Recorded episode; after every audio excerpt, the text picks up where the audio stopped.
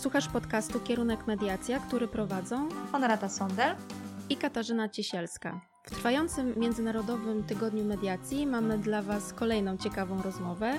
Dzisiaj naszym gościem jest pani dr Anna Cybulko, która między innymi od wielu lat pełni funkcję ombudsmana na Uniwersytecie Warszawskim i opowie nam o zaklętych rewirach mediacji akademickiej, o tym, co sprzyja powstawaniu sporu w środowisku akademickim, jakie są w nim największe wyzwania mediacyjne i jakie są kierunki rozwoju mediacji w tym obszarze. Zapraszamy na rozmowę.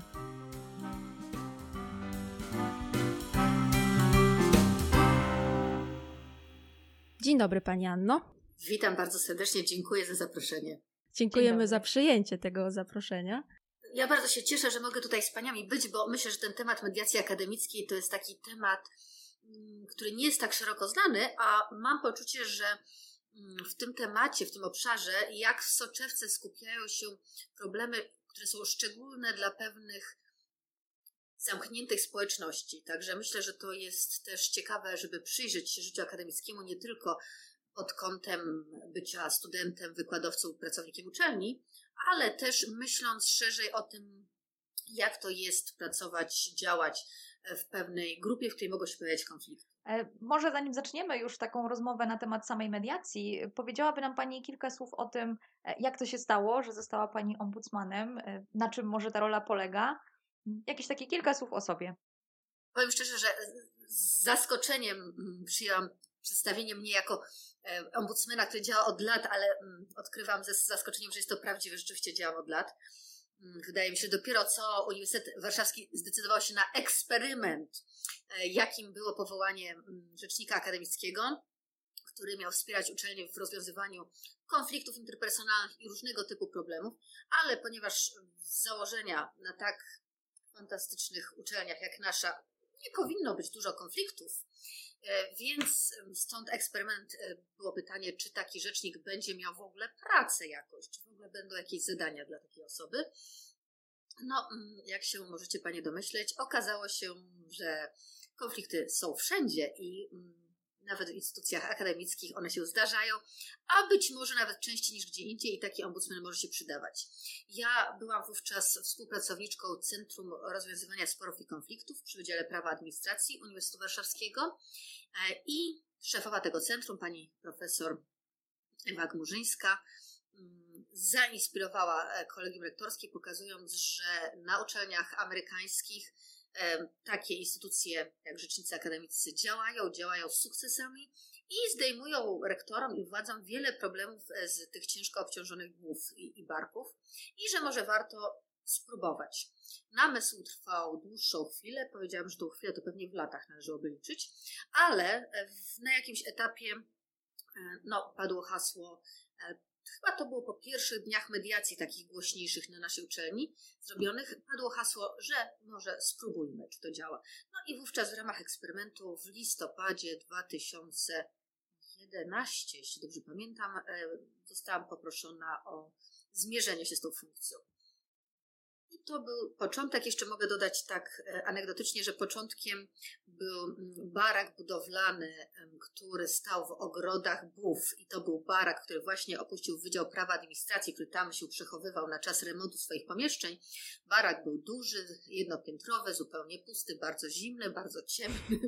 I byłam tam ja. E, dostałam pokoik. W pokoiku nie było mebelków, ani komputera, ani krzesełka, ani mm, telefonu, ani niczego z życzeniami dobrego startu. E, no i z takim sygnałem, że będziemy sprawdzać, jak eksperyment działa, ponieważ minęło 10 lat i nadal funkcjonuje, jak widać za moimi plecami, już nie jestem w baraku, to e, no, wyszło na to, że chyba mm, jest taka potrzeba i chyba jest co robić. To chyba gratulo- należy pogratulować wytrwałości.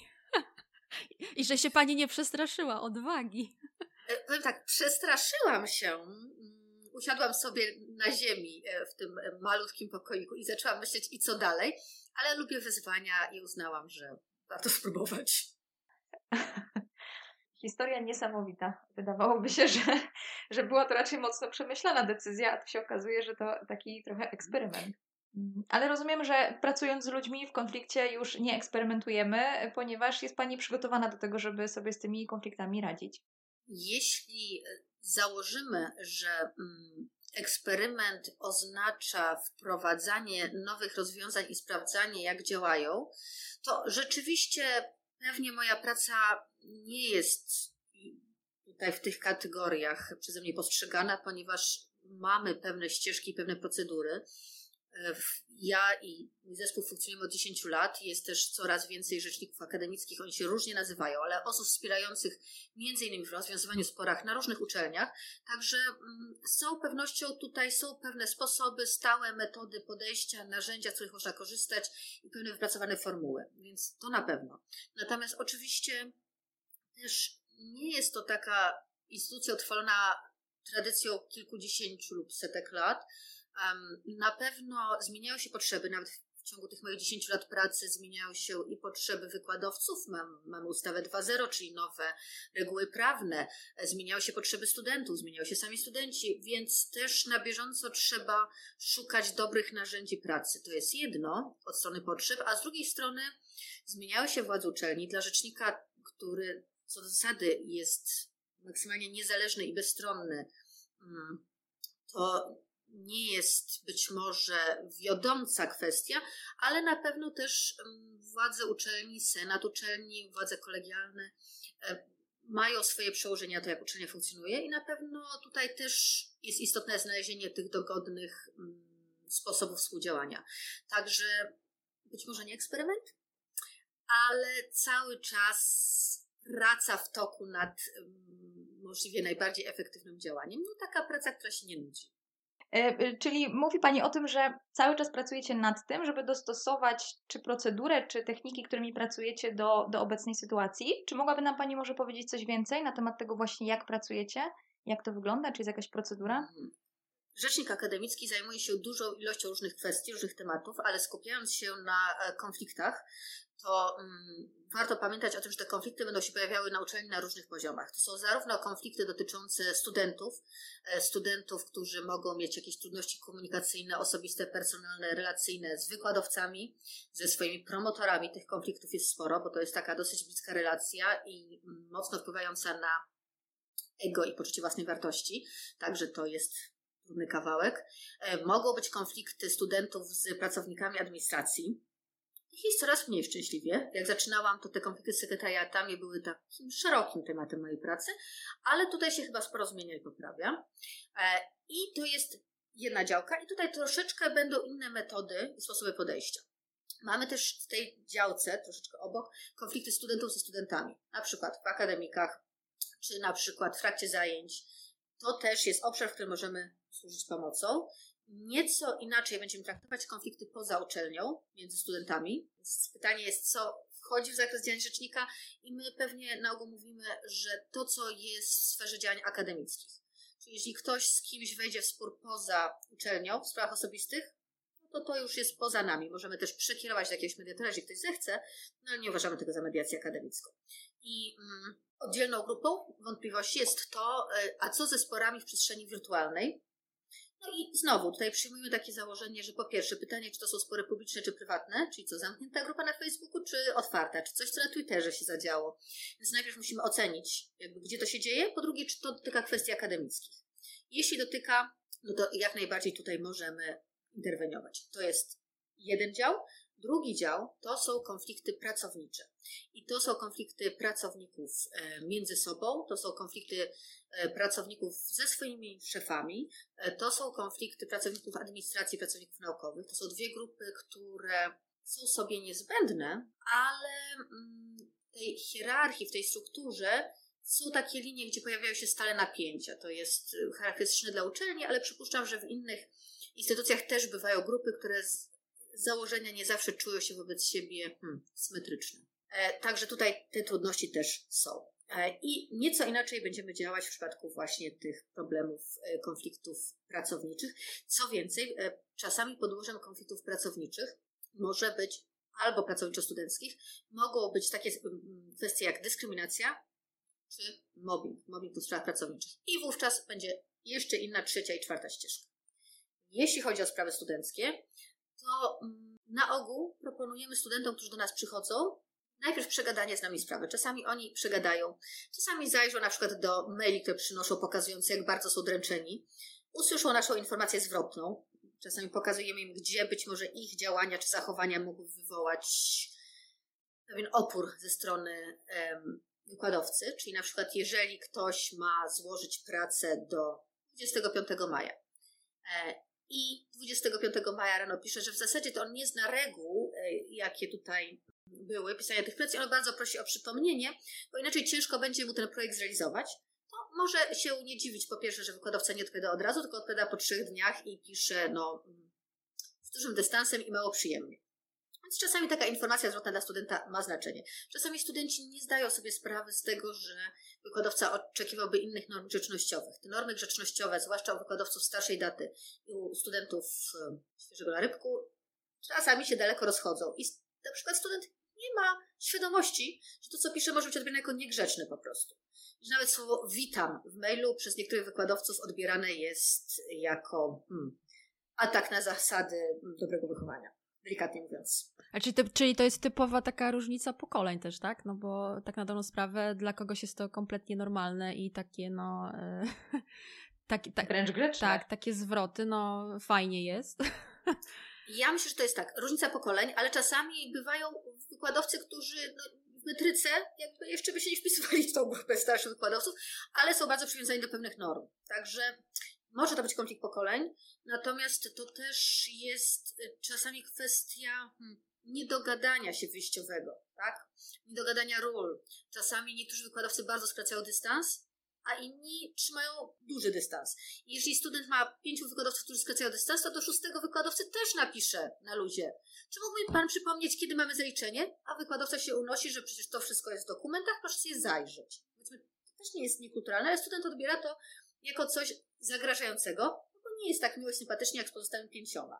Odpowiada dosyć mocno i zdecydowanie, czasami wykładowców roszczeniowo, no i nakręca nam się ta sytuacja. Więc czasami samo przeczytanie takiej korespondencji wystarcza. Pogadanie o tym, przegadanie tego, co można zrobić, żeby nie eskalować, tylko załatwić problem. Czyli też to są takie wyzwania trochę komunikacji niebezpośredniej, tak? No bo nie widzimy swoich twarzy, nie możemy często od razu zareagować, e, uniesieni jakimiś emocjami, siadamy do klawiatury i piszemy często nie myśląc w ogóle nad tym, że, że nie dajemy sobie tego czasu na przemyślenie, czy być może moje emocje nie są z, troszkę zbyt wysokie w tym momencie. No i, i, i, konflikt mamy gotowy. Dokładnie tak jak Pani mówi. Ja myślę, że w 100% podpisała i to jest zresztą jedna z tych rekomendacji, którą daję często na szkoleniach, które prowadzę.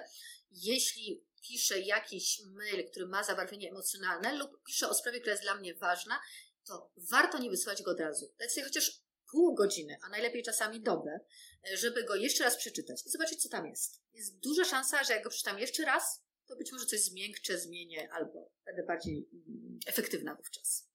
Także dokładnie tak jak Pani mówi, tak jest. No i to jest szeroka działka i ludzie wpadają w tą pułapkę bardzo często. I, a to bardzo lubię skalować. I jedna rzecz to jest to, co Pani też pokazała tutaj, czyli to, że mamy dużo problemów związanych z nie, niebezpośrednią komunikacją, no a zwłaszcza w, w dobie mm, pracy hybrydowej lub w pełni online, no to bardzo jest tego dużo. Ale też niektórzy mają taką tendencję, że trudniej im stanąć twarzą w twarz, a łatwiej napisać maila. A jest to pewien paradoks, bo w tych mailach łatwiej o konflikt, ponieważ trudniej nam wyczuć drugą stronę. Więc jeżeli ktoś ma generalnie problem z takim wyczuwaniem drugiego człowieka, znowu, znowu paradoksalnie, ja bym mu rekomendowała kontakt bezpośredni raczej niż pisanie, bo w pisaniu jeszcze będzie miał więcej pułapek.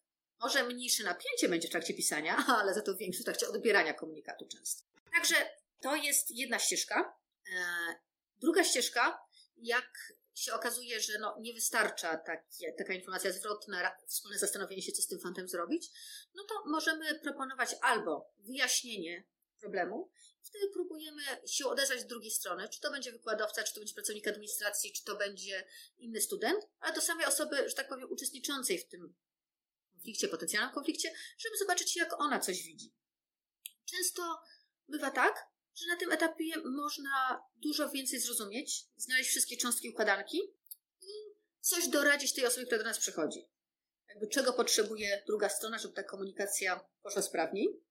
Często się okazuje, że jest jakaś hmm, sprawczość po stronie tego, kto do nas przychodzi, kto czuje pokrzywdzony, a tak naprawdę przyłożył się do tego konfliktu, który istnieje, tylko nie zauważył, że się przyłożył.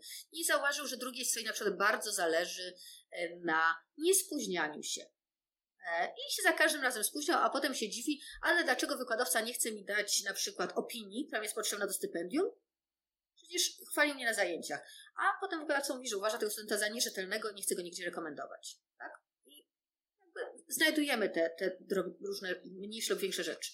No ale czasami zdarza się, że sprawa jest poważna i wymaga poważniejszych rozwiązań. Zdarza się też i to dopiero powiedziałabym jest drugi lub trzeci krok, że proponujemy mediację, czyli bezpośredni kontakt tych osób, które mają trudności z porozumieniem się lub po prostu są w konflikcie, widzą różne rzeczy bardzo inaczej. Czyli uważam, że powinienem mieć to zaliczenie, uważam, że nie zasłużył Pan na zaliczenie z tego i z tego powodu. Tak? Zero-jedynkowo. Z czym rzadko kiedy sytuacje są tak proste. Znacznie częściej przychodzą do nas znacznie bardziej skomplikowane e, sprawy. I dlaczego mediacja nie jest od razu pierwszą propozycją? Na dzień dobry ktoś do nas przychodzi i my dlaczego zaczynamy od analizowania z nim tego, co się wydarzyło, a czasami nawet właśnie tych wyjaśnień. E, dlatego, że mediacja mm, trzeba potrafi być bardzo skuteczną metodą w ich konfliktach i rzeczywiście mam poczucie, że to bardzo wiele wyjaśnia. Po pierwsze, jest czasochłonna, jest energochłonna, mm, wymaga zaangażowania i gotowości obu stron i zawsze jest konieczna, tak? Bo czasami da się to prostszymi metodami rozwiązać. Mm, także nie tak, żebyśmy za każdym razem automatycznie mówili to do mediacji. Natomiast jeśli coś jest bardziej skomplikowane, wymaga zrozumienia się wzajemnego stron, usłyszenia się wzajemnie, nie przez pośrednika, to wtedy ta mediacja będzie bardzo dobrym wskazaniem. Mhm. Czyli większość pracy, rozumiem, wykonujecie Państwo w taki sposób pośredni. Czyli kontaktujecie się z jedną stroną, znaczy rozmawiacie z osobą, która zgłasza problem, kontaktujecie się z drugą stroną i rozumiem, że próbujecie wyjaśnić to pośrednicząc w, rozmowie tych, tych osób. Nie powiedziałabym, że większość, natomiast pamiętajmy, że teraz cały czas mówimy o studenckich sprawach, bo to są tak. te trzy grupy. Nie, ja bym powiedziała, że jeśli już mamy jakoś procentowo to podsumowywać, to różnie bywa, ale pewnie jedna trzecia spraw mniej więcej kończy się e, na tym, że rozmawiamy, analizujemy, przyglądamy się. E, często przychodzi student i mówi na przykład, zostałem niesłusznie oskarżony o plagiat i wykładowca jest do mnie uprzedzony i mnie dyskryminuje, nie chce mi zaliczyć i to na pewno e, ma jakąś głębszą przyczynę. A z czasem, jak zaglądamy do jego pracy, to się okazuje, że on nie wie, jak się robi przypisy, jakby nie wie, jak pracować akademicko. Nikt go być może nie nauczył tego na uczelni. Być może wykładowca założył, że tego się uczy wcześniej. No ale nie wie i jak się orientuje, to jakby orientuje się o co chodzi. Więc jedna trzecia spraw. E, te sprawy, w których działamy poprzez, po, pośrednio, czyli wyjaśniając, powiedziałabym znowu kolejna jedna trzecia. I tam, gdzie proponujemy mediację w konfliktach, to jest jedna czwarta. Ja wiem, jeszcze nie mamy 100%. E, natomiast pamiętajmy o tym tak. Po pierwsze, nie zawsze mediacje dochodzą do skutku. Ludzie się ich strasznie boją. Oczywiście my zachęcamy, namawiamy, pokazujemy, że to jest bezpieczne i e, jest mniej ryzyk wejścia w mediację niż zostawienia sprawy. Jak się ją zostawi, to jest szansa, że ta sprawa gdzieś tam jednak eskaluje. Natomiast gdzie jest to pozostałe parę procent, których nie wymieniłam? Czasami ludzie przychodzą z konfliktem tak poważnym, tak dużymi trudnościami, że to się nadaje do tego, żeby od razu zasygnalizować naruszenia e, przełożonym lub wręcz no, zmierzać do postępowania dyscyplinarnego po prostu. Rzadko, ale bywa tak. To znaczy, jeżeli mamy na przykład do czynienia z przemocą fizyczną, to ja nie proponuję wówczas mediacji. E, proponuję, mm, o, oczywiście wyjaśnienia są konieczne, ale proponuję, żeby te wyjaśnienia szły już via władze jednostki. E, więc to jest ta, ta cząstka. Więc, mm, więc nie jest tak, że my pośredniczymy. Ja bym powiedziała, nie wiem co powiedzieli ludzie, którzy do mnie przychodzą i do moich koleżanek, które też służą pomocą w moim zespole, ale staramy się zostawiać ludziom maksimum sprawczości, a maksimum sprawczości mają przez mediację, a nie poprzez nasze pośrednictwo. I ja wiem, że jest łatwiej, jak ktoś przyjdzie i załatwi za mnie, ale to nie jest cel naszego działania i niektóre osoby myślą, że są rozczarowane, bo przychodzą i mówią, a proszę mi pomóc. Pomogę panu przez na przykład mediację, czyli bycie przy Państwa rozmowie, moderowaniu tej rozmowy, zapewnieniu bezpiecznego, bezpiecznej przestrzeni. Tak, to ja nie chcę, ja bym chciał, żeby Pani to załatwiła. Czy jest takie oczekiwanie, że Pani ten problem rozwiąże samodzielnie? I jeszcze oczywiście na korzyść osoby, która się zgłasza. Tak, ale tutaj jest mi prosto, bo w takich sytuacjach teraz, odkąd mamy Rzecznika Praw Studenta powołanego przez Zarząd Samorządu Studentów, ja mogę zawsze powiedzieć studentom, moi drodzy, ja mogę dla Was zrobić to i tamto w różnych obszarach, tu mówimy o konfliktach, ale też przy okazji nauczenia prawa, ale jeśli czujecie, że chcecie kogoś, kto będzie waszym adwokatem, kto będzie waszym pełnomocnikiem, kto stanie za wami i, i będzie was bezapelacyjnie wspierał, bez jakby takiego raczej analitycznego czy diagnostycznego podejścia do problemu, to Rzecznik Praw Studenta jest tą osobą. Więc macie kogoś takiego, to y, mo, może tą rolę spełnić. Więc to jest dla mnie super, bo nie zostawiam ich samych, jeżeli czują, że potrzebują czegoś innego. Ale też myślę, że to mm, zadowolenie studentów i jakby satysfakcja z otrzymanej pomocy chyba jest dosyć duża. Oczywiście nie zawsze wszystko da się załatwić. I często to jest trudna ścieżka, bo trzeba się skonfrontować z czymś, co się samemu się zrobiło. Często to jest kwestia tego, że ktoś wie, że zrobił błąd, że zabradziarzył, że nie na czas, że niewystarczająco starannie coś zrobił, że nie był do końca miły wobec kogoś innego, że rzucił kom komputerem koleżanki w akademiku o ziemię. No tak, zdarzają się różne rzeczy i wtedy pomagamy z tego wybrnąć, no bo to nie jest koniec świata. Jest to wielka przykrość, jest to ostracyzm społeczny czasami, ale nie koniec świata i różne rzeczy można próbować z tym robić. Ale czy nie jest też trochę odwagą ze strony takiej osoby, że ona jednak przychodzi, zgłasza się, tak? No, pewnie świadoma tego, że będzie musiała zmierzyć się z tym, że no mimo wszystko nie wszystko zrobiła dobrze, a jednak przychodzi i próbuje. Znaczy, ja myślę, że to, że ktoś przychodzi, to jest zawsze super, bo też wykazuje inicjatywę, aktywność, zaangażowanie, szuka rozwiązań, przychodzi. Natomiast y, czy za tym jest odwaga, czy chęć właśnie mm, zwekslowania swojej odpowiedzialności, to różnie bywa, bo przychodzą takie osoby, niestety, rzadko, ale zdarza się, które opowiadają nam historię cząstkową, co też jest takie hmm, nieperspektywiczne, ponieważ no, bardzo szybko jesteśmy w stanie, mamy tutaj zas Istotnym zasobem rzecznika akademickiego jest to, że mamy, ja mam dostęp w zasadzie do wszystkich danych, jakie mogą być potrzebne na uczelni. Do wszystkiego. W związku z tym, jak ktoś przychodzi i opowiada mi historię, która ma tylko pewne kawałki, ja naprawdę zaraz sobie zajrzę do właściwych baz danych i zobaczę, że ten ktoś jednakże już dwa razy nie zajczył roku. Jak mi mówi, że mm, to jest pierwszy raz, tak, to, to ja potem naprawdę będę miała trudności w rozmowie, jeżeli mam iść do jego, nie wiem, dziekana i rozmawiać na ten temat, przecież idzie kan wie i ja zaraz będę wiedziała, że jest inaczej, więc nie warto. No ale niektórzy próbują jakby manipulować, więc czy to jest odwaga? No nie, to jest manipulacja. Niektórzy przychodzą z nadzieją, że ja załatwię jej sprawę, kiedy dowiadują się, że ich wysiłek jest niezbędny do tego, są rozczarowani. Natomiast bardzo dużo osób jest odważnych i, i próbuje sobie radzić z tym, co się wydarzyło w sposób konstruktywny, przy tym wsparciu, które możemy im dać. A jakby Pani mogła e, opowiedzieć, e, jak to wyglądało na przestrzeni lat? Czy, e, czy w tej chwili rzeczywiście mediacje i takie mm, państwa sposoby rozwiązywania konfliktów są na tyle rozpowszechnione wśród studentów, że tych zgłoszeń jest naprawdę sporo i, i jest, jest jakaś różnica, na przykład jak to wyglądało kiedyś, a teraz? Ja myślę, że na pewno jest różnica, bez dwóch zdań, przy czym znacznie większe różnice widzę w gronie pracowników akademickich. Myślę, że po pierwsze mm, fakt, że promujemy mediację na uczelni, instytucję rzecznika, a pracownicy pracują latami na uczelni. Natomiast studenci przychodzą i odchodzą i nie zawsze jest ta pamięć zachowana wśród studentów. Często tych nowych studentów trzeba od nowa edukować, że ktoś taki jest, a oni póki nie mają potrzeby skorzystania e, z usług, no to mediatora czy rzecznika, no to w ogóle nad tym nie zastanawiają. Także to tutaj się buduje znacznie bardziej powoli, tutaj współpraca z samorządem ma znaczenie. Studenci też rzadziej z tego korzystają. Myślę, że dlatego, że po pierwsze, często mają nadzieję, że właśnie uda się im pomóc przez te wyjaśnienia, które my możemy wdrażać, czy jakieś nasze rekomendacje, tam gdzie uważają, że jakieś prawa zostały naruszone.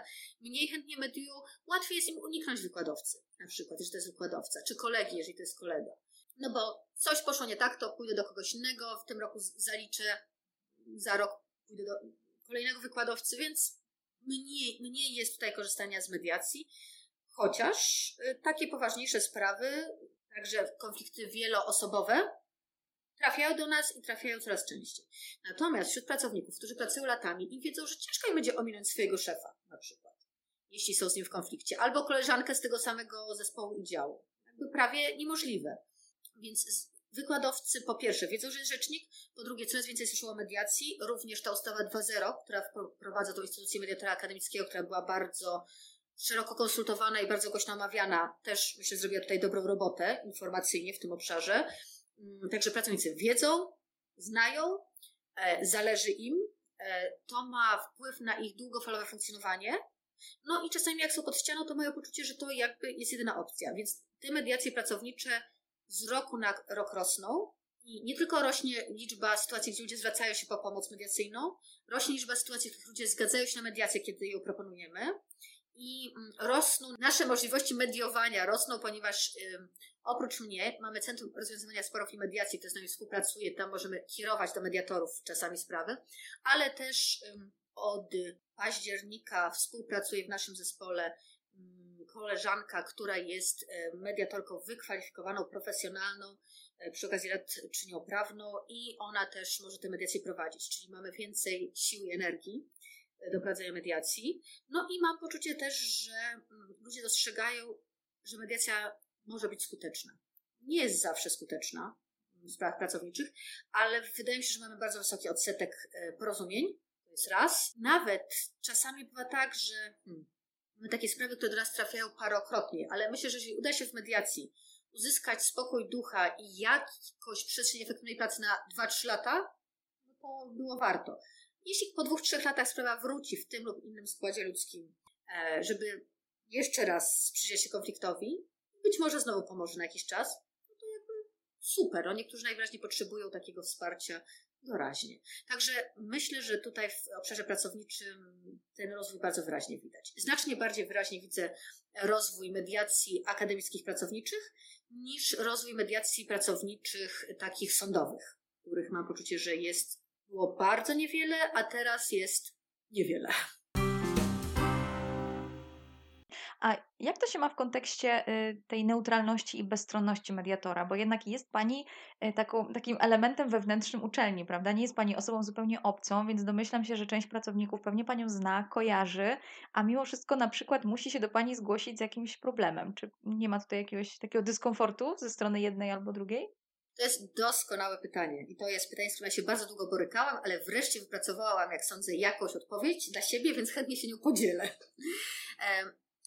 Nie widzę problemu związanego z tym, że mm, ludzie mnie znają, rozpoznają i mogą mieć trudność, żeby do mnie przyjść osobistymi sprawami, ponieważ na uczelni mamy 6 tysięcy pracowników, mm, kilkanaście lokalizacji e, i myślę, że ta moja osobista rozpoznawalność nie jest aż tak wysoka, żeby to miało przeszkadzać, a nawet w drugą stronę zdarza się, że jak już ktoś do mnie raz przyszedł, to wraca, mimo że znamy się albo z tych wcześniejszych problemów, albo współpracowaliśmy. Bywa tak, że ktoś był u mnie na szkoleniu, czy spotkał się przy okazji jakiegoś projektu ze mną, uznał, że ma zaufanie i przychodzi. Więc myślę, że to jest mniejszy problem. Natomiast znacznie większym problemem jest to, co Pani wskazała. Jak ja mogę być y, neutralną, bezstronną mediatorką, jeśli ja jako rzeczniczka akademicka mam na przykład dbać o przestrzeganie prawa, o niedyskryminację, o nienaruszanie pewnych zasad, tak? No tutaj ja widzę bardzo duży problem. No bo strasznie ciężko wyskoczyć z roli, a teraz dbam o przestrzeganie prawa, a teraz jestem neutralną obecną mediatorką. I jeżeli w mediacji jest mowa o jakichś na przykład naruszeniach, które miały miejsce, to czy ja rzeczywiście mogę po prostu czysto mediować, czy jednak powinno być ok, ale zachował się pan, pani nie ok wyjściowo. Ja e, miałam z tym bardzo dużo problemów, zwłaszcza na początku, dlatego starałam się sprawy mediacyjne przekierowywać do innych mediatorów, na przykład z Centrum Rozwiązywania Sporów i Konfliktów, ale tutaj się pojawiły dwa problemy. Po pierwsze, no, centrum też ma swoje możliwości pracy pro dla tych mediatorów. E, czasami to dosyć długo trwało, no a sprawy były pilne. To było jedno wyzwanie. A drugie wyzwanie było takie, że czasami ludzie przychodzili do mnie, rozmawiali ze mną. Ja próbowałam wspólnie z nimi nazwać problem, zdiagnozować go, pokazać ścieżki rozwiązań. Mówiłam, że jednym z rekomendowanych byłaby na przykład mediacja. E, ale byłaby tam na przykład również jakaś sygnalizacja z mojej strony na ręce przełożonych o istnieniu naruszeń, bo to jest coś, co ja też mogę robić. I ludzie mówią, nie, to ja bym wolał na razie mediację. Ja mówię, no to fantastycznie, to ja proponuję mediatora z centrum. Mówią, ale skoro ja już przyszedłem, przyszłam do pani, to już bym chciała, żeby pani była mediatorem. Czy pani mediuje? Mówię, no, co zasady mediuję, ale jakby jeśli jestem mediatorem, to już nie mogę wskazywać na naruszenia. Ale ja bym się lepiej czuł, bo już nie chcę wydać drugi raz tej samej historii. E, no, Zdarzało się w takiej sytuacji, że ja kontaktowałam się z drugą stroną, naświetlałam jej wszystko, pytałam się, czy to dla niej jest ok, jakie ona ma preferencje. Mówię, a to ja bym też wolał z panią. No, zdarzało mi się prowadzić te mediacje, ale rzeczywiście było gdzieś w tle to, że czasami trzeba będzie zmienić czapeczkę, tak? Że, a jak się państwo nie dogadacie, to wtedy ja jako rzeczniczka akademicka powiem, kto y, zawinił i co powinien zrobić. No to nie, inaczej. Mamy takie instytucje jak MedArb na przykład, czyli mediacja arbitraż, zresztą są bardzo ciekawe i, i zawsze mnie fascynowały, albo ArbMed, więc to byłoby coś, to nie była mediacja, to byłoby coś takiego pośredniego właśnie MedArb. Ale to nie jest, myślę, przynajmniej dla mnie, nie było to nigdy optymalne, zwłaszcza jeżeli się nazywam mediatorką.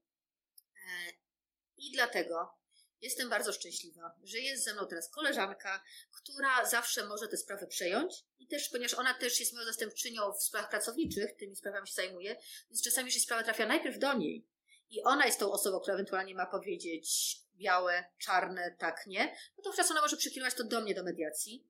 E, no, rzecz jasna, zawsze pozostaje gdzieś tam w tle to, że ja jednak jestem tą osobą decyzyjną, jeżeli trzeba by napisać jakąś sygnalizację, czy naświetlić jakieś naruszenia. No, ale też jest mi łatwiej wtedy wejść w rolę mediacyjną. Czyli jest ona, jestem ja, jest centrum mediacji, więc staramy się rozdzielać te role. W miarę to, myślę, się udaje. Oczywiście na uczelni jest bardzo dużo takich spraw, gdzie do końca nie wiemy, czy to jest wyjaśnienie, czy to już jest mediacja wahadłowa, bo jedna ze stron nazywa to mediacją, a drugą nie ta sprawa wyjaśniana. Oczywiście moją rolą jest też nazywanie tych sytuacji, żebyśmy mieli jasność, czym jesteśmy, jakie są role, jakie są możliwości. To są trudne rzeczy. Ja myślę, że tutaj cały czas się tego uczymy i to jest ten element takiego dostosowywania się i to jest coś, czego nie ma w innych instytucjach i to jest coś, co różni mediacje akademickie od na przykład pracowniczych stricte, e, że te role się lubią niestety przeplatać. Mhm. No i w tym wszystkim jest jeszcze, rozumiem, zasada poufności, która pewnie też przeplata się między jedną a drugą rolą. Tak i nie, bo oczywiście jest ten problem z poufnością, ale znowu, problem z poufnością jest generalnie w mediacjach pracowniczych.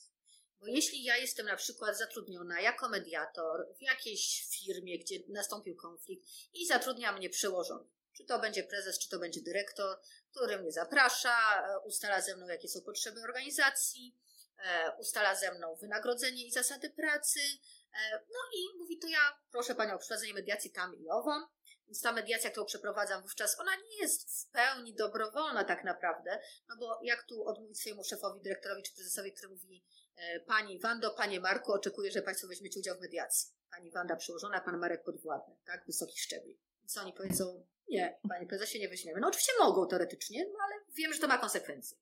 Więc ta nie, końca do, nie do końca dobrowolna mediacja, potem mediacja jest powiedzmy prowadzona przeze mnie, załóżmy, że dochodzą do porozumienia, ale bardzo często po pierwsze ustalają jakieś rzeczy, które zależą też od ich przełożonych, a że pracownika, o którego się spieramy, to przesuniemy sobie tam i siam, a Pani Wandzie podniesiemy pensję o tyle i tyle, a pan Marek się zrzeknie premii, nie może się zrzec premii, ale tak, nie weźmie Europy w tym, w tym terminie. Ktoś to musi zaakceptować. To jest jedna rzecz, czyli to wszystko i tak trafia wyżej. Zresztą przełożeni, przełożeni którzy zatrudnili mediatora, chcą to jakoś rozliczyć, tak? Chcą rozliczyć mediatora, chcą wiedzieć, czy konflikt się udało rozwiązać, chcą wiedzieć, że ten konflikt leżał, chcą mieć jakąś diagnozę. No i zawsze jest pytanie, co ten mediator jest zobowiązany im powiedzieć. Znowu, to, to jest wyzwanie dla mediatora w sprawach pracowniczych, takiego, który nie mediuje w sprawach sądu, tylko jest takim jest zapraszany do środka instytucji. I no, to jak ja to rozwiązuję tak, że staram się dbać o pełną transparentność, czyli staram się minimalizować to, co przekazuję przełożonym, ale też na dzień dobry mówię pracownikom, jakie rzeczy zostają w pełni poufne, a jakie jakby nie w pełni, żeby oni mieli tego świadomość. No i teraz przeskoczmy do sytuacji akademickiej. E, Tutaj jest paradoksalnie prościej często, bo często przełożony w ogóle nie wie o tym, że jego podwładni trafili do mediacji. Więc ja przynajmniej nie mam tego obciążenia, że ja będę musiała potem w jakiś sposób to podsumować. To jest raz. Chociaż czasami oni tego chcą, no ale to wtedy też możemy ustalić w toku mediacji, co zostanie przekazane. E, jeśli przełożony do mnie przychodzi z konfliktem między pracownikami na uczelni, to się zdarza dosyć często, coraz częściej i myślę, że to jest też sukces i mediacji, i no chyba naszych działań tak naprawdę, że, że przełożeni widzą, że to pomaga. I to jest dokładnie to, co im zdejmuje problemy z głowy i z barków. I wówczas też ustalam z pracownikami, jakby jaki jest zakres poufności.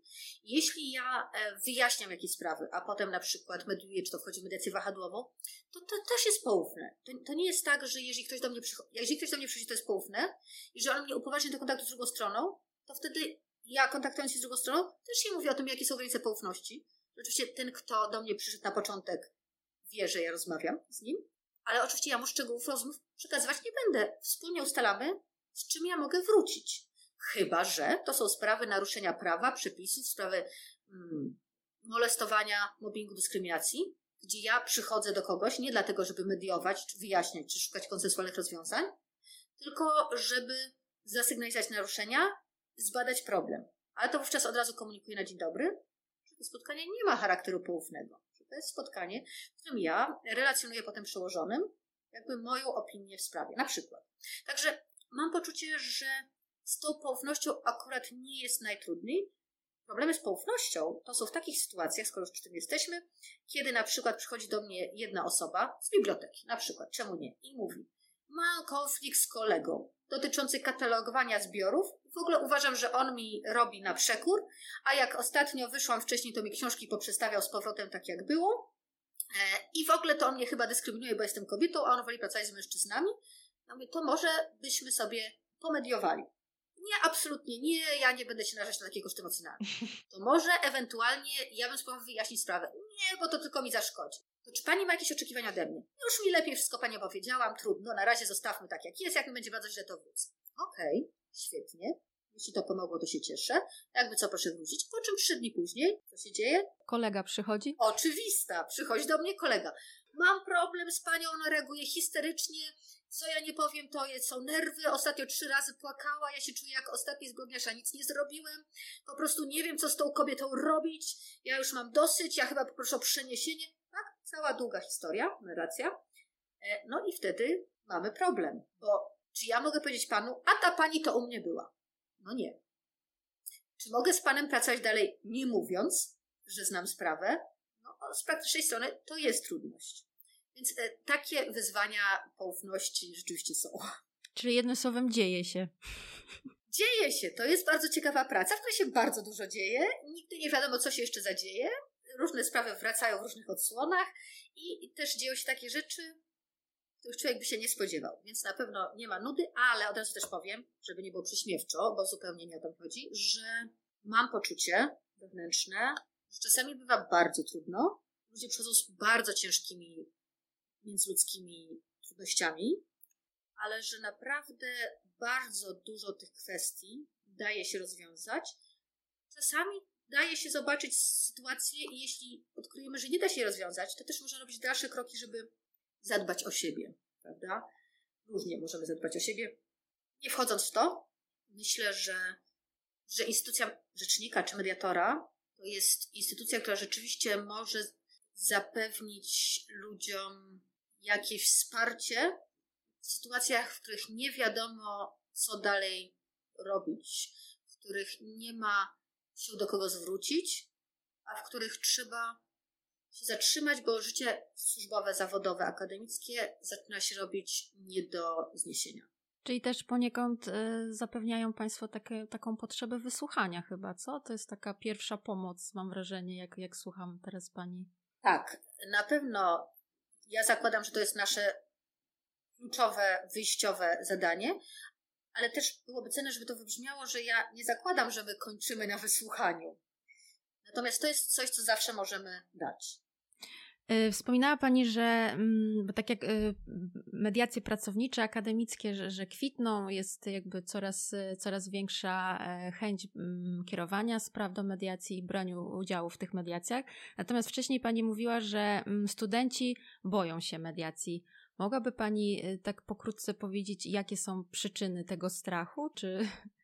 Ja nie wiem, czy się w takim razie precyzyjnie wyraziłam, bo nie chodziło mi o to, że oni się boją, tylko chodziło mi o to, że oni mają znacznie mniejszą gotowość do mediacji. Znacznie rzadziej się do nas zwracają e, z tą prośbą. I mogę powiedzieć, jakie ja widzę przyczyny tego. Wydaje mi się, że po pierwsze, być może studenci często postrzegają nas jako instytucję, która pomaga w relacjach e, pionowych, a nie poziomych. Czyli stąd te spory między studentami rzadko kiedy do nas trafiają. Po drugie, mm, wydaje mi się, że studentom często prościej jest e, odpuścić jakoś, jakiś spór. Jakby odciąć ten kawałek życia, zamknąć, pójść dalej. I to nie, nie zawsze musi rzucać na ich funkcjonowanie. Więc nawet jeżeli gdzieś jest jakiś konflikt, jakaś trudność, to być może mają mniejszą motywację żeby angażować swoje zasoby emocjonalne, czasowe w rozwiązywanie tego w trybie mediacji. Czyli ta świadomość, że jesteśmy tu na chwilę, za chwilę sobie pójdziemy, więc problem właściwie zniknie. Dokładnie tak. No a po trzecie, i to jest ważne, e, no studenci mogą się oczywiście bać, i tutaj się pojawia element lęku, tej różnicy w hierarchii, tego, że działanie mediacyjne przyniesie jakieś negatywne konsekwencje dla ich e, funkcjonowania na wydziale czy danej jednostce. To też się pojawia, z czym z mojej perspektywy wydaje mi się, że nie jest istotne ryzyko. Oczywiście jest ta różnica hierarchii, oczywiście różni wykładowcy mają różną gotowość do mediacji, oczywiście część wykładowców może po prostu odmówić. Powiedzieć, że z różnych względów oni nie zamierzają rozmawiać z tym studentem, bo on już im tak, nie wiem, takich zmęczył, takim dokuczył, że to nie, nie widzą chęci, potrzeby. Wykładowcy też zakładają, że studenci przychodzą i odchodzą, że mm, jest duża szansa, że po prostu jak się przeżyje ten rok akademicki, to już więcej ten problem nie powróci. Więc może tak być, że wykładowca odmówi. Ale to na ogół nie wiąże się z żadnymi kosztami, a też dodatkowymi. Po prostu sprawa jest na takim etapie, jak była wcześniej. Pewnie nie fajnym, ale nie gorszym. E, też gdyby było tak, że wykładowca, nie wiem, odmówi, a potem będzie jakoś starał się mścić, w cudzysłowie, na studenci, to oczywiście też możemy tutaj studenta wspierać, tak? No bo wtedy znamy sprawę, jesteśmy w tej sprawie i możemy interweniować, możemy reagować, możemy prosić o wsparcie przełożonych, władze i tak dalej. Więc naprawdę takie sytuacje, żeby tutaj były jakieś retorsje, rzadko się dzieją. Może być tak, że nie będzie gotowości, może z tej mediacji gdzieś niewiele wyniknie, ale w istocie mam poczucie, ale to jest hipoteza, to się podzielę i być może ktoś słuchając tego podcastu ją zweryfikuje i bardzo jestem ciekawa, zwłaszcza tutaj spojrzenia studentów, bardzo. Moje wrażenie jest takie, że jak już dochodzi na mediacji w sprawie zgłoszonej przez wykładowców, przez studenta, między student, studentem a wykładowcą, to jeśli nie dojdzie do porozumienia, co jest rzadkie, to częściej nie dochodzi do porozumienia ze względu na opór po stronie studenta. Że to jakby studentom jest trudniej wejść w ton koncyliacyjny czy usłyszeć drugą stronę. Paradoksalnie, tak jest moje wrażenie. Ale znowu, to jest hipoteza pewna, nie liczyłam tego, e, nie, nie prowadziłam statystyk. To z mojej perspektywy to też się wiąże z trochę takim nastawieniem studentów na to, że oni mają pewne prawa, chcą je egzekwować, postrzegają siebie jako klientów, a instytucje uczelni jako usługodawcę i tak traktują uczelnie i wykładowców. Nie wszyscy, oczywiście, tylko są takie osoby. No i jeżeli traktujemy wykładowcę jako usługodawcę, to po pierwsze, wykładowcy się zapewne nie spodoba, a po drugie, to zapewne nie będziemy chcieli go usłyszeć, bo jakby no nie jesteśmy po to, żeby słyszeć o problemach osobistych sprzedawcy mm, telefonów komórkowych, tak? Przez telefon, który nas źle potraktował. Jeśli nas źle potraktował, to chcielibyśmy, żeby przeprosił, koniec, kropka, a nie chcemy słuchać, że, że akurat jego dziecko było chore i ciężko mu było, bo to był czwarty telefon z pretensjami, a to nie jest jego wina. O, więc wydaje mi się, że to może być jakby punkt widzenia. Ale oczywiście po obu stronach bywają problemy. Czyli takie normalne życie, można powiedzieć. No pewnie, no bo jakby, dlaczego miałoby nie być normalne, prawda? Jest, jest bardzo normalne. Zastanawiam się, bo powiedziała Pani, że te spory między wykładowcą a studentem są też zgłaszane przez wykładowców. Mhm. Czyli rozumiem, że z ich strony też jest jakby taka gotowość, żeby pewne kwestie wyjaśniać, jakieś konflikty rozwiązywać. Tak, wykładowcy czasami się zgłaszają, ponieważ nie wiedzą, jak radzić sobie na przykład z osobą, która zakłóca zajęcia, z osobą, która uważa, że jest przez nich gorzej traktowana, z osobą, która się nie wywiązuje, a potem e, oczekuje zaliczenia i skarży się wszędzie na wszystkich szczeblach na to, że to wykładowca był nierzetelny. Czyli to w jakiś sposób e, wykładowca zniesławia ich, czy narusza ich wizerunek. No, zdarza się też, że wykładowcy się skarżą na przykład na stalking czy na molestowanie, tak też bywa. Um, czyli tutaj są bardzo różne po stronie wykładowców um, sprawy i oczywiście szukają porady i czasami to jest tak, że przychodzą po prostu po to, żeby dostać jakieś wskazówki, jak stawiać granice, jak się zachowywać, um, jak, e, postaw- jak w jaki sposób egzekwować pewne oczekiwania. Rzecz jasna tutaj wspieramy w tym. Przychodzą czasami z rzadka wykładowcy, którzy mają problemy z podopiecznymi, na przykład doktorantami, chociaż znacznie częściej przychodzą doktoranci, którzy mają problemy z promotorami. Magistranci, licencjaci też, ale im wyższy stopień naukowy, tym silniejszy ten związek, tym większe budowanie swojej przyszłości na wizji bycia na uczelni, tym więcej do stracenia i tym trudniejsza zmiana. O ile łatwiej jest zmienić opiekuna licencjatu, trudniej jest zmienić opiekuna magisterki, promotora, no a bardzo trudno zmienić y, promotora swojego doktoratu, zwłaszcza jak się już ma przewód otwarty. E, także tak, przychodzą studenci, ale przychodzą również wykładowcy, którzy ze studentami mają problem. Zdarza się, bardzo rzadko, że e, w takich sytuacjach z inicjatywy wykładowcy dochodzi do mediacji. To jest bardzo rzadkie, to dosłownie kilka przypadków, ale tak też bywa. Czyli z tego, co Pani mówi, to wynika znowu, że cały czas krążymy wokół tych naszych y, ludzkich braków komunikacyjnych, że tak na dobrą sprawę wystarczyłoby, mhm. w cudzysłowie oczywiście, no bo to jest tylko i aż, posiąść te kompetencje komunikacyjne, tak? Czyli nie obchodzić y, E, swoich problemów i, i nie uderzać do tych e, poziomów, które nie mają tych umiejętności decyzyjnych czy mocy decyzyjnych, tylko bezpośrednio rozmawiać z tym, kto jest adresatem, tak, naszego. E, naszego problemu, konfliktu. To na pewno byłoby pomocne, ale też myślę, że to byłoby mimo że to, co Pani mówi, to jest często podstawą i z tego wynika bardzo wiele konfliktów, sprowadzenie wszystkich konfliktów, które do mnie trafiają, do nieporozumień komunikacyjnych, myślę, że byłoby nadmiernym uproszczeniem. E, znowu bardzo się skupiliśmy na sprawach studenckich i tam jest tego więcej. Natomiast tutaj ja bym dołożyła jeszcze kilka mm, źródeł konfliktu. Jest nieoczywistość ról, znowu na przykład to, że student na przykład postrzega się jako klienta, a uczelnie, wykładowców, sekretariaty jako usługodawców, no to, to jest pewne widzenie ról. Czasami to widzenie ról na przykład przez promotora doktoratu i doktoranta jest zupełnie inne. Doktorant się spodziewa wsparcia, opieki, pracy z nim, zapraszania go do projektów, a promotor spodziewa się, że doktorant sobie sam poradzi, a promotor nie będzie mu utrudniał życia na przykład.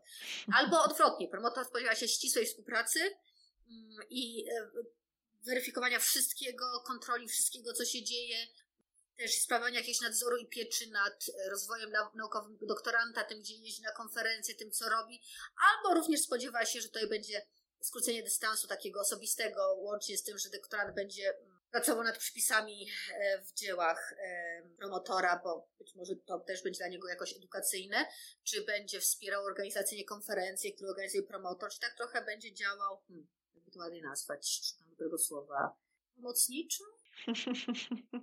Pani Choroto, Pani też jakieś słowo przyszło do głowy, widzę. Bo chyba, chyba nie byłoby dobre w tym miejscu. Bardzo jestem ciekawa. Umówmy się, że po prostu będzie szeroko działał e, na rzecz swojego promotora również. Okej, okay. E, a czasami student widzi to inaczej, ale bywa tak, że student jak najbardziej widzi to skracanie e, dystansu i jest okej, okay, czyli jakby to postrzeganie ról ma ogromne znaczenie, bo oni mogą się bardzo, czy one, czy oni, mogą się bardzo sprawnie, efektywnie komunikować, tylko jeżeli zupełnie inaczej widzą, od czego od się oczekują, no to to będzie mhm. generowało konflikty. Natomiast w sprawach pracowniczych tutaj mamy bardzo dużo konfliktów dotyczących różnych stylów zarządzania, na przykład e, kwestii awansowych, na przykład kwestii dostępu do zasobów. Tutaj zwłaszcza nauki um, przyrodnicze, e, gdzie mamy laboratoria, lodówki, preparaty, um, no wszystko, co, co może być to z projektu, to nie z projektu, to z wydziału, to ze środków własnych, e, a to tutaj ja z Twoim doktorantem, ale to jest mój doktorant. I no, dostęp do zasobów okazuje się być konfliktogenny, co znowu jest, e, tak jak mówicie Panie, ludzkie, naturalne, tak jest. I to jakby znowu komunikacja może być świetna, a, a problem może być jakby znaczący, czyli awanse, dostęp do zasobów, no także kwestie merytoryczne bywają źródłem konfliktów. To są już to fascynujące konflikty, czy na przykład powinniśmy wykładać na naszym wydziale NLP, lingwistyczne programowanie, czy nie? Znaczy, jaka jest tutaj waga naukowa tego podejścia? Fascynujące zagadnienie, bardzo nieoczywiste. E, dużo się dzieje też, jeżeli chodzi o organizację budynków. Dużo się dzieje, jeżeli chodzi o to są zasoby, kwestie dostępu do pomieszczeń. Ktoś ma swoje miejsce lepsze, ktoś ma swoje miejsce mniej dobre, e, z pewnej perspektywy lub z innej perspektywy. No, Naprawdę, jak w życiu, tych powodów, powodów jest multum i często to są bardzo mm, konkretne, materialne powody mm, tych sporów. Materialne, czy niekoniecznie zawsze pieniądze, no ale właśnie na przykład zasoby, coś takiego. Ale też kwestia szacunku i kwestia mm, naruszania godności, kwestia um, wykorzystywania czyjejś siły do um, roboczej, niekoniecznie fizycznej, e, do jakichś działań i nie dawania wiele w zamian. Także tutaj naprawdę jest dużo tropów, które oprócz komunikacji się pojawiają. Szeroki wachlarz przedmiotu, jeśli chodzi o rozmowy i mediacje. O tak, szeroki. No znowu, no, bardzo po ludzku. No to, dlatego mówiłam na początku, że to, co się dzieje w akademii, to bardzo, mm, jak w soczewce pokazuje to, co się dzieje między ludźmi. Przy czym myślę, że to, co jest istotne jakościowo i co jest takie szczególne i specyficzne, to jest kwestia wartości nauki, e, poczucia jakiejś misji, poczucia jakiejś. A, myślę, że to, co jest szczególne, to to, jak dalecy mamy tutaj róż, wpływ hierarchii, która nie tylko jest hierarchią e, funkcji zawodowych, przełożony, podwładny, ale też nakładający się na to hierarchii naukowej i tego, na ile stopnie naukowe przekładają się na różnice w pozycji we władzy. Znowu tutaj na, może być różne postrzeganie tego. Także no, to, to ma znaczenie i także, hmm, wysoki indywidualizm naszych pracowników i takie duża moc stojąca za, za działaniami poszczególnych osób, determinacja. Bardzo wiele osób, które pracują na uczelni, ma poczucie pewnej misji, czy tego, że robi coś bardzo ważnego, dlatego wkłada pełną determinację w swoje działania. No a jeżeli jest pełna determinacja, to jakby waga różnych kwestii staje się od razu znacznie wyższa. To nie jest takie proste, że muszę powiedzieć, ok, nie podoba mi się na tej uczelni, to sobie zmienię uczelnię i będę pracował gdzie indziej. Zwłaszcza jeżeli jestem na przykład filologiem klasycznym. Tak? To, to nie jest takie hop żeby zupełnie zmienić obszar działania. Czy jakieś inne bardzo wąskie działki, które mamy. Także są ludzie przeświadczeni o znaczeniu swojej pracy, nakładają się na to wszystko hierarchie stopni naukowych, które tutaj no, mają swoje szczególne znaczenie. Jest często to, mm, to miejsce postrzegane jako może nie jedyne miejsce rozwijania swojej pracy i zainteresowań, no ale takie wiodące, więc nie bardzo są alternatywy, żeby się po prostu pożegnać.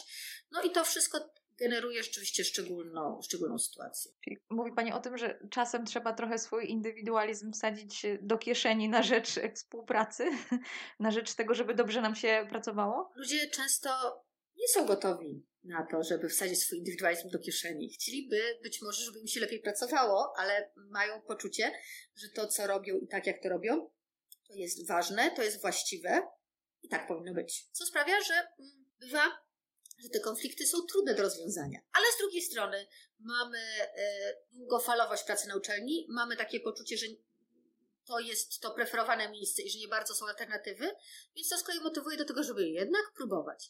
Jest to wyzwanie. Szóstka z plusem za dyplomację.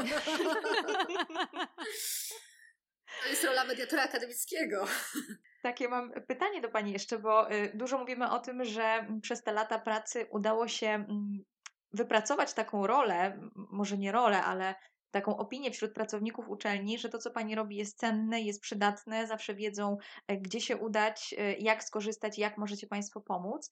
E, chciałam zapytać, jak to wygląda z perspektywy takiego, no właśnie, promowania, reklamowania, informowania o tym, co robicie, bo rozumiem, że o ile jest to prostsze w stosunku do pracowników uczelni, którzy pracują przez jakiś czas od dawna, więc też te informacje się przekazuje, Natomiast w stosunku do studentów, którzy na przykład pojawiają się dopiero i, i skądś tą wiedzę powinni zaczerpnąć, że jest takie, e, taka osoba jak ombudsman, co robi i tak dalej. Jak to wygląda z, z Waszej perspektywy? Czy właśnie reklamujecie się, promujecie, prowadzicie jakieś działania w tym kierunku? Myślę, że takie działania są bardzo istotne i e, z takich ważnych kierunków nagłaśniania naszych działań E, to na pewno była taka akcja, o której warto powiedzieć, która się nazywa Wszyscy jesteśmy równoważni, która była prowadzona na naszej uczelni, która dotyczyła przede wszystkim przeciwdziałania dyskryminacji, ale przy tej okazji też bardzo wyraźnie były pokazywane wszystkie instytucje, które mogą służyć pomocą, między innymi Rzecznik Akademicki. I to były i filmy, i kampania online, i mm, też mm, w świecie wirtualnym sporo się działo. E, I do tego były plakaty, i do tego są oczywiście cały czas niezmiennie ulotki, jakieś broszury, publikacje, prezentacje. E, z drugiej strony, e, to co staramy się robić, to staramy się współpracować zarówno z samorządami studenckimi kolejnymi, jak i z biurami uczelni, które mogą informować nowych studentów o tym, co się dzieje. Staramy się pojawiać na początkach roku akademickiego, wtedy, zwłaszcza kiedy jest inauguracja roku i kiedy nowe osoby się pojawiają na uczelni. Oczywiście ja nie mam złudzeń, że to nie jest aż tak optymistycznie, jak pani powiedziała, że wszyscy nas znają, wszyscy wiedzą, że mogą do nas przyjść i wszyscy nas doceniają. Na pewno tak to nie jest. E, to byłoby piękne i, chciałabym, żeby tak było, ale myślę, że nie wszyscy o nas wiedzą i że chodzi o to, żeby mogli się dowiedzieć ci, którzy mają problem i mają potrzebę, czyli wtedy, kiedy są zainteresowani. I na pewno nie jest tak, że wszyscy uważają, że jesteśmy super skuteczni i jak się do nas przyjdzie, to wszystkie sprawy zostaną rozwiązane. z różnych względów różni ludzie mogą mieć różne opinie na ten temat. Natomiast staramy się być obecni na stronach internetowych uczelni, na stronach internetowych wydziałów, w, w tej przestrzeni akademickiej, także bezpośrednio dotykalnej. E, staramy się co roku przypominać o swoim istnieniu, e, odzywać się i na wydziały bezpośrednio, i e, do nowych samorządów studenckich na, i, i głównego zarządu, z którym oczywiście współpracujemy, więc zarząd o nas rzecz jasna wie. Staramy się współpracować z, każdorazowo z Rzecznikiem Praw Studenta, także staramy się, żeby te wieści szły jak najszerzej. No, rozumiem, że to są takie starania, które muszą być e, podejmowane rokrocznie i one wymagają bardzo dużo wysiłku. My, jako zespół, nas jest e, cztery osoby, jestem ja i jeszcze trzy, trzy osoby w zespole. Mamy tak dużo wyzwań, że no, pełnowymiarową promocją nie jesteśmy w stanie się zajmować. Jeśli uda nam się robić to we współpracy, jeśli uda nam się uzyskać wsparcie na przykład naszego biura, mm, biura, które się zajmuje tymi właśnie kwestiami, no to czasami chodzą z tego takie fajne rzeczy jak ta akcja e, Wszyscy jesteśmy równoważni. Jeśli pojawi się jakiś pomysł, to staramy się go wykorzystywać na promocję. No to kolejny sposób nasz odcinek podcastu. Dokładnie taką mam nadzieję, że jeśli ktoś wysłucha, to być może będzie wiedział, że może albo skorzystać z pomocy rzecznika, nie tylko w przypadku e, konfliktów interpersonalnych i mediacji, ale w różnych sprawach, gdzie może mieć poczucie, że coś się zadziało nie, o, nie okej okay w relacjach akademickich, że doszło do jakichś naruszeń, że mm, w jakiś sposób ktoś gdzieś został skrzywdzony. Z każdą sprawą można do nas przyjść. Z każdą sprawą można do nas przyjść poufnie, o wszystkim można opowiedzieć i w każdym przypadku staramy się mm, dać wsparcie, pokierować dalej. Także zakładam, że również ten podcast może temu służyć, a może też dać do myślenia o tym, jak to wygląda na uczelni jak się ma uczelnia do świata pozauczelnianego. A propos właśnie, chciałam jeszcze zapytać, bo wspomniała Pani kilka razy o klinice mediacji, która działa w ramach Centrum Rozwiązywania Sporów i Konfliktów przy Wydziale Prawa i Administracji, prawda? Da wasza współpraca polega na tym, że nie wiem, działacie przez, przez cały rok tak samo? Jest to jakaś działalność, nie wiem, szkoleniowa też może dla przyszłych mediatorów, dla studentów? Mm, to ja bym wróciła w takim razie do Centrum Rozwiązywania Sporów i Konfliktów przy Wydziale Prawa Administracji Uniwersytetu Warszawskiego. Jest to wyjątkowo długa nazwa, która nie pomaga w dobrym zapamiętaniu, ale co ważne, mm, tak zwany CYRSIK, e, CYRSIK e, zarówno e, zajmuje się prowadzeniem mediacji, także w sprawach akademickich, ale nie tylko, bo także e, mediatorzy CYRSIK-u e, prowadzą mediacje w sprawach przesyłanych przez sąd z wysoką skutecznością. I również prowadzona jest w oparciu o siły CYRSIK-u klinika mediacji, której studenci mogą uczyć się na żywym materiale, że tak powiem. E, czyli studenci, którzy zapisują się do kliniki mediacji, z jednej strony mają e, pogłębione warsztatowe zajęcia dotyczące mm, mediacji, dotyczące generalnie ADR-ów, dotyczące konkretnych rodzajów mediacji e, pracowniczej, cywilnej, gospodarczej, mm, akademickiej, rodzinnej, czyli wszelkich możliwych typów. I od strony prawnej, od strony psychologicznej to, te zajęcia prowadzą doświadczenie wykwalifikowani mediatorzy. Na ogół są to osoby, które też są akademikami. Natomiast z drugiej strony studenci mogą brać udział jako komediatorzy w mediacjach.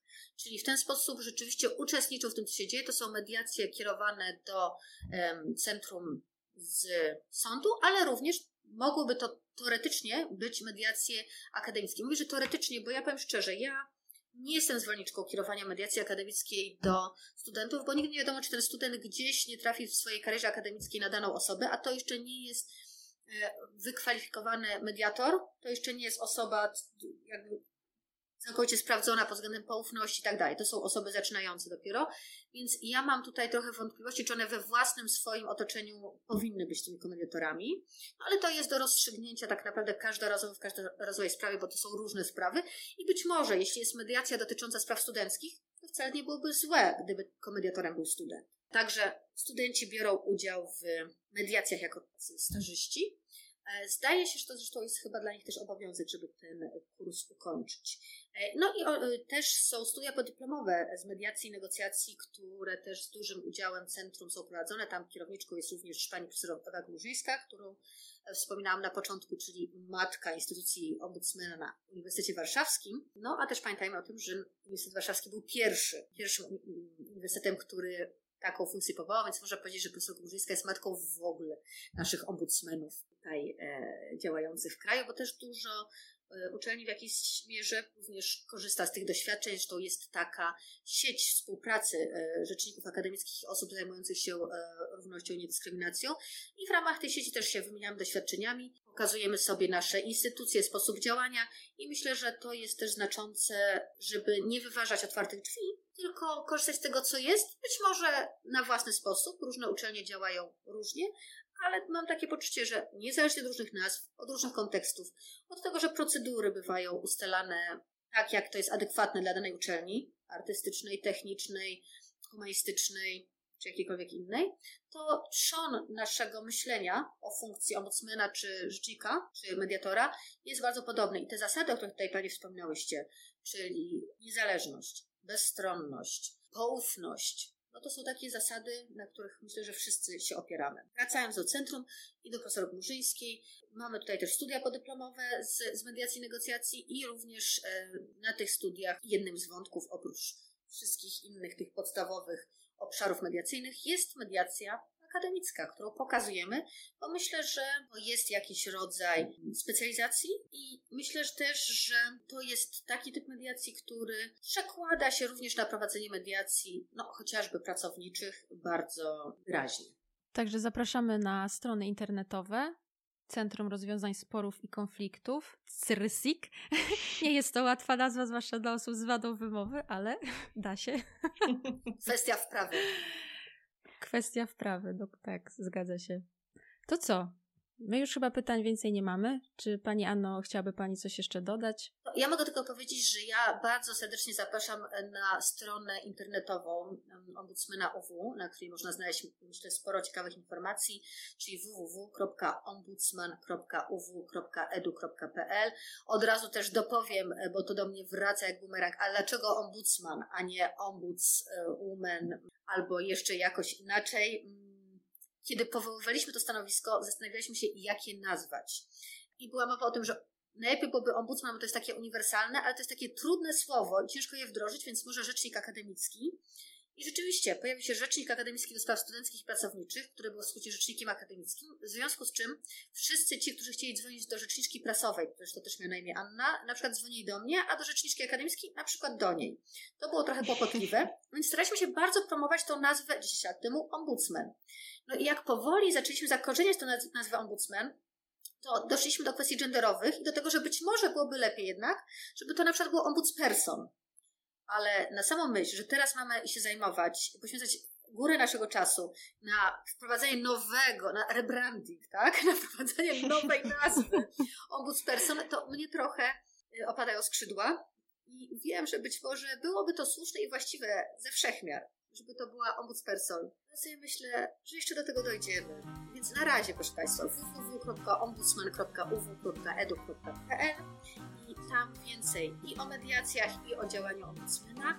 A gdyby ktoś miał jakieś refleksje czy przemyślenia po przesłuchaniu, odsłuchaniu naszej rozmowy, to z wielką ciekawością zapraszam do kontaktu. Ja rozumiem, że jesteśmy trochę work in progress, więc może różne rzeczy widzieć inaczej, może są jakieś lepsze metody, lepsze sposoby podejścia, może są jakieś pułapki, w które wpadamy, o których nie wiemy, więc e, wielką radością przyjmy wszelkie przemyślenia informacje zwrotne. My również przyłączamy się do zaproszenia do komentowania odcinka. Dziękujemy za dzisiaj i do usłyszenia albo zobaczenia. Bardzo dziękuję. Dziękujemy. Do usłyszenia w kolejnym odcinku.